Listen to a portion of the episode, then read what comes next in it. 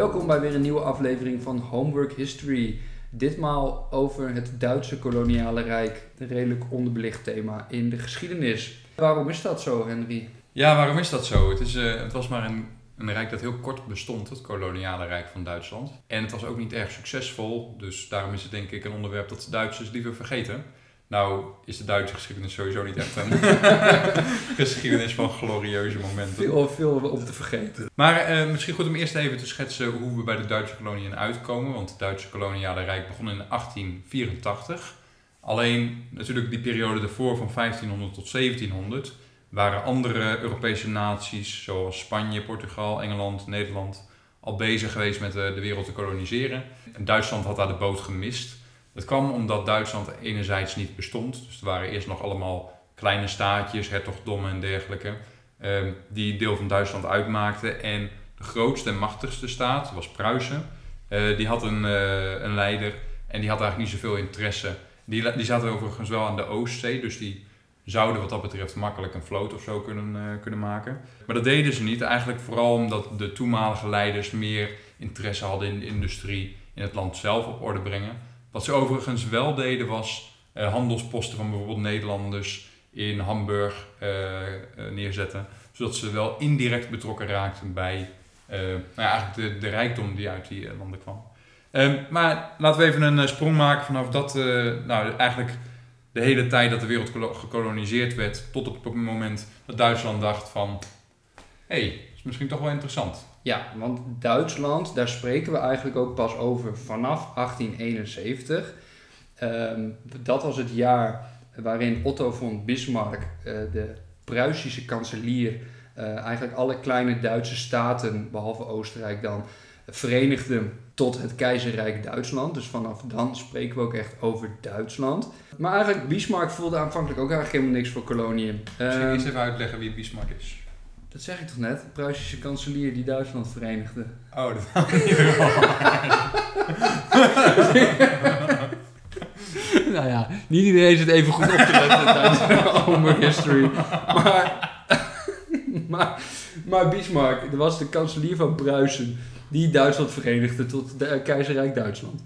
Uh, Bismarck zag aan, aanvankelijk eigenlijk helemaal geen uh, voordelen van koloniën, want die, zag dat de, die dacht dat de kosten uh, eigenlijk veel hoger zouden zijn dan de, dan de, de voordelen die eruit... Dat is ook logisch, want het is eigenlijk alsof je een heel land opnieuw gaat opbouwen vanuit niks, want er was natuurlijk niet zoveel in die landen. Ja. Dus dan moet je eigenlijk heel veel overheidsmoeienis krijg je. En uiteindelijk, wie loopt er met, de, met het geld weg? Dat zijn een aantal individuen die daar uh, ja, mijnbouw hebben of slavenhandel of weet ik veel wat. En die types worden, worden een aantal mensen heel rijk. Ja. Alleen de staat ja, wordt er eigenlijk niet echt beter van. Ja. Dat was de gedachte. Ja, nee, dat klopt. Het is inderdaad. En je ziet inderdaad ook dat verschillende landen ook eigenlijk anders omgaan met kolonisatie. Zoals Portugal en Nederland die veel meer handelsposten hadden. En Spanje en Engeland die echt hele stukken land gingen koloniseren. Maar binnen Duitsland uh, waren er wel veel stemmen die wel voor, voor een koloniaal rijk waren.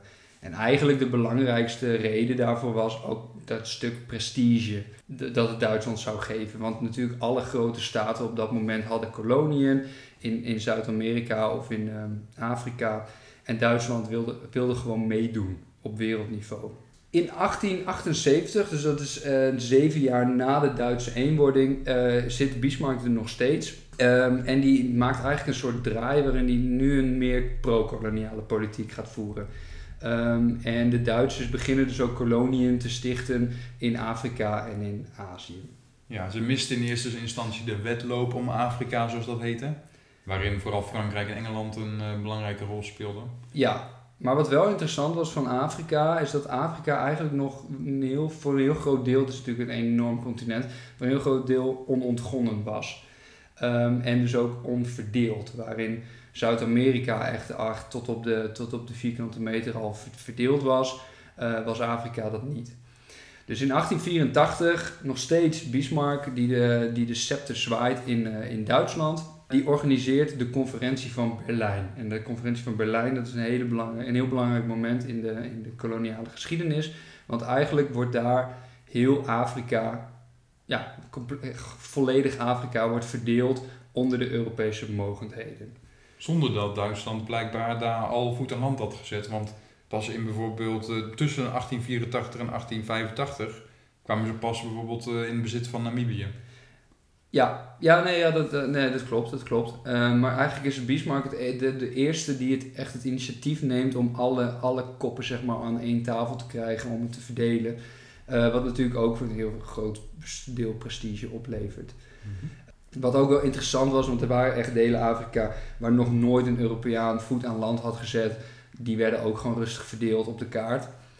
Ehm, en daar ehm, gaat Duitsland, die eist dus ook stukjes Afrika op.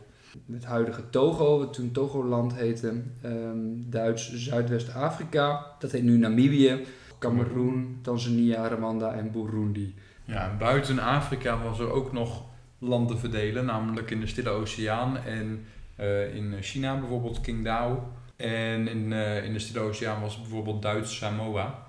Een, eh, een veel vergeten pareltje uit de geschiedenis. ja, dat is op zich wel interessant. De Stille Oceaan, dat is natuurlijk heel groot en daar heb je heel veel kleine eilanden. Dus daar werden toen de tijd nog steeds landen, eilanden ontdekt. Ik voelde alle van de week aankomen. Oh, de ander van de week. Ja, Samoa was dus van alle Europese koloniën, dat is een heel klein landje natuurlijk, maar het had het, be- het beste wegennet van alle koloniën. Dus nou, daar mogen de Duitsers trots op zijn. Daar kennen we de Duitsers ook van natuurlijk. Van Daar hun, kennen eh, we de Duitsers wegen. van. Ja, absoluut. Eh, Dus- Voor, zeker op Samoa. Nou, misschien goed om dan even eh, te kijken naar het verloop dan vervolgens. Want eh, de Eerste Wereldoorlog gooi- gooide enigszins roet in het eten. Dat, eh, dat kun je wel zeggen. Ehm, de, in de eh, Eerste Wereldoorlog, dat is natuurlijk voor een groot deel een wereldoorlog te noemen vanwege alle koloniale bezittingen die alle landen hadden. Eh, dus in de koloniën werd ook veel gevochten. Maar goed, aan het eind van de, van de Eerste Wereldoorlog verliest Duitsland natuurlijk in 1918. En raakt daarbij dus eigenlijk ook feitelijk alle koloniale bezittingen kwijt. Ja, een heel aantal koloniën werd ook niet eens voor gevochten. Hè. Dat, daar waren, was überhaupt geen Duitse eh, leger aanwezig. Of, eh, dus eigenlijk was het gewoon een kwestie van dat land binnenlopen en het was van jou. Ja, ja, ja maar, maar na, nadat eh, de vrede was getekend, was het natuurlijk ook officieel niet meer Duits. Toen waren ze het kwijt. Ja, en dat was eigenlijk dus ook het, meteen het einde van het hele Duitse koloniale, eh, eh, koloniale rijk. Ehm, dus het heeft zeer kort bestaan. Eh, laat, laat begonnen vanwege de, nou ja, het niet bestaan van Duitsland en vanwege de desinteresse. En vroeg geëindigd vanwege het verliezen van de Eerste Wereldoorlog. Ja, 1884 tot 1918. Ja. Om precies te zijn. Eh, nou ja, wat wel nog leuk is om even te kijken naar, hey, wat, is nu, wat is nu nog de invloed geweest, wat is de erfenis geweest van het Duitse Rijk? Nou, de eerste is bijvoorbeeld eh, bouwwerken, die er in, de, in die tijd zijn gemaakt. Nou, ik zei net al, het wegennet van Samoa is een van die overblijfselen. Maar ook bijvoorbeeld de Keizer Wilhelmbrücke in eh, Tanzania, die werd gebouwd in 1907. En die overigens, nog een leuke adder, nog steeds in gebruik is als spoorbrug. Nou, je kunt je lol niet opkrijgen. Ga er gerust, ga er gerust eens kijken. Nou, en in Togo zijn er nog steeds enkele Duitse forten. Dat was het. Wat natuurlijk wel interessant is, is hoewel Duitsers zelf niet een hele grote rol hebben gespeeld eh, op het wereldtoneel en het koloniale toneel, eh, heeft de conferentie van Berlijn natuurlijk wel hele grote sporen nagelaten. Dat eigenlijk het grootste deel van de huidige Afrikaanse grenzen daar getrokken zijn. Nog een succesverhaal voor Duitsland. Het kan niet op. Het kan niet op. En nou, wat nog wel leuk is, is dat er ook een aantal eh, toponymische overblijfselen zijn. Daar zat ik al op te wachten. Daar Ja. zaten jullie allemaal al op te wachten. Precies, het Bismarckgebergte, de Bismarckzee, de Bismarck-archipel en eh, Mount Wilhelm. Wie kent het Wie niet? kent het niet? En als laatste wil ik nog even eh De Finchhaven. Finchhaven, genoemd naar Otto Finch. Dat was een Duitse kolonist. Dus, eh, eh, Waarschijnlijk. nee, dat heb ik opgezocht. Nee, het was een hele bekende Duitse eh, koloniale ontdekker. Nou, we hopen dat jullie het allemaal leuk vonden. Eh Renze doet de rest van de uitsmijter, want dat doet hij altijd. Nou, inderdaad. Bedankt voor het luisteren weer naar deze nieuwe aflevering van Homework History. Eh, we hopen je graag te zien, en te horen, te, Te je aanwezigheid te voelen bij de volgende aflevering. Over een, een, de volgende van de Weltwunder. Tot dan!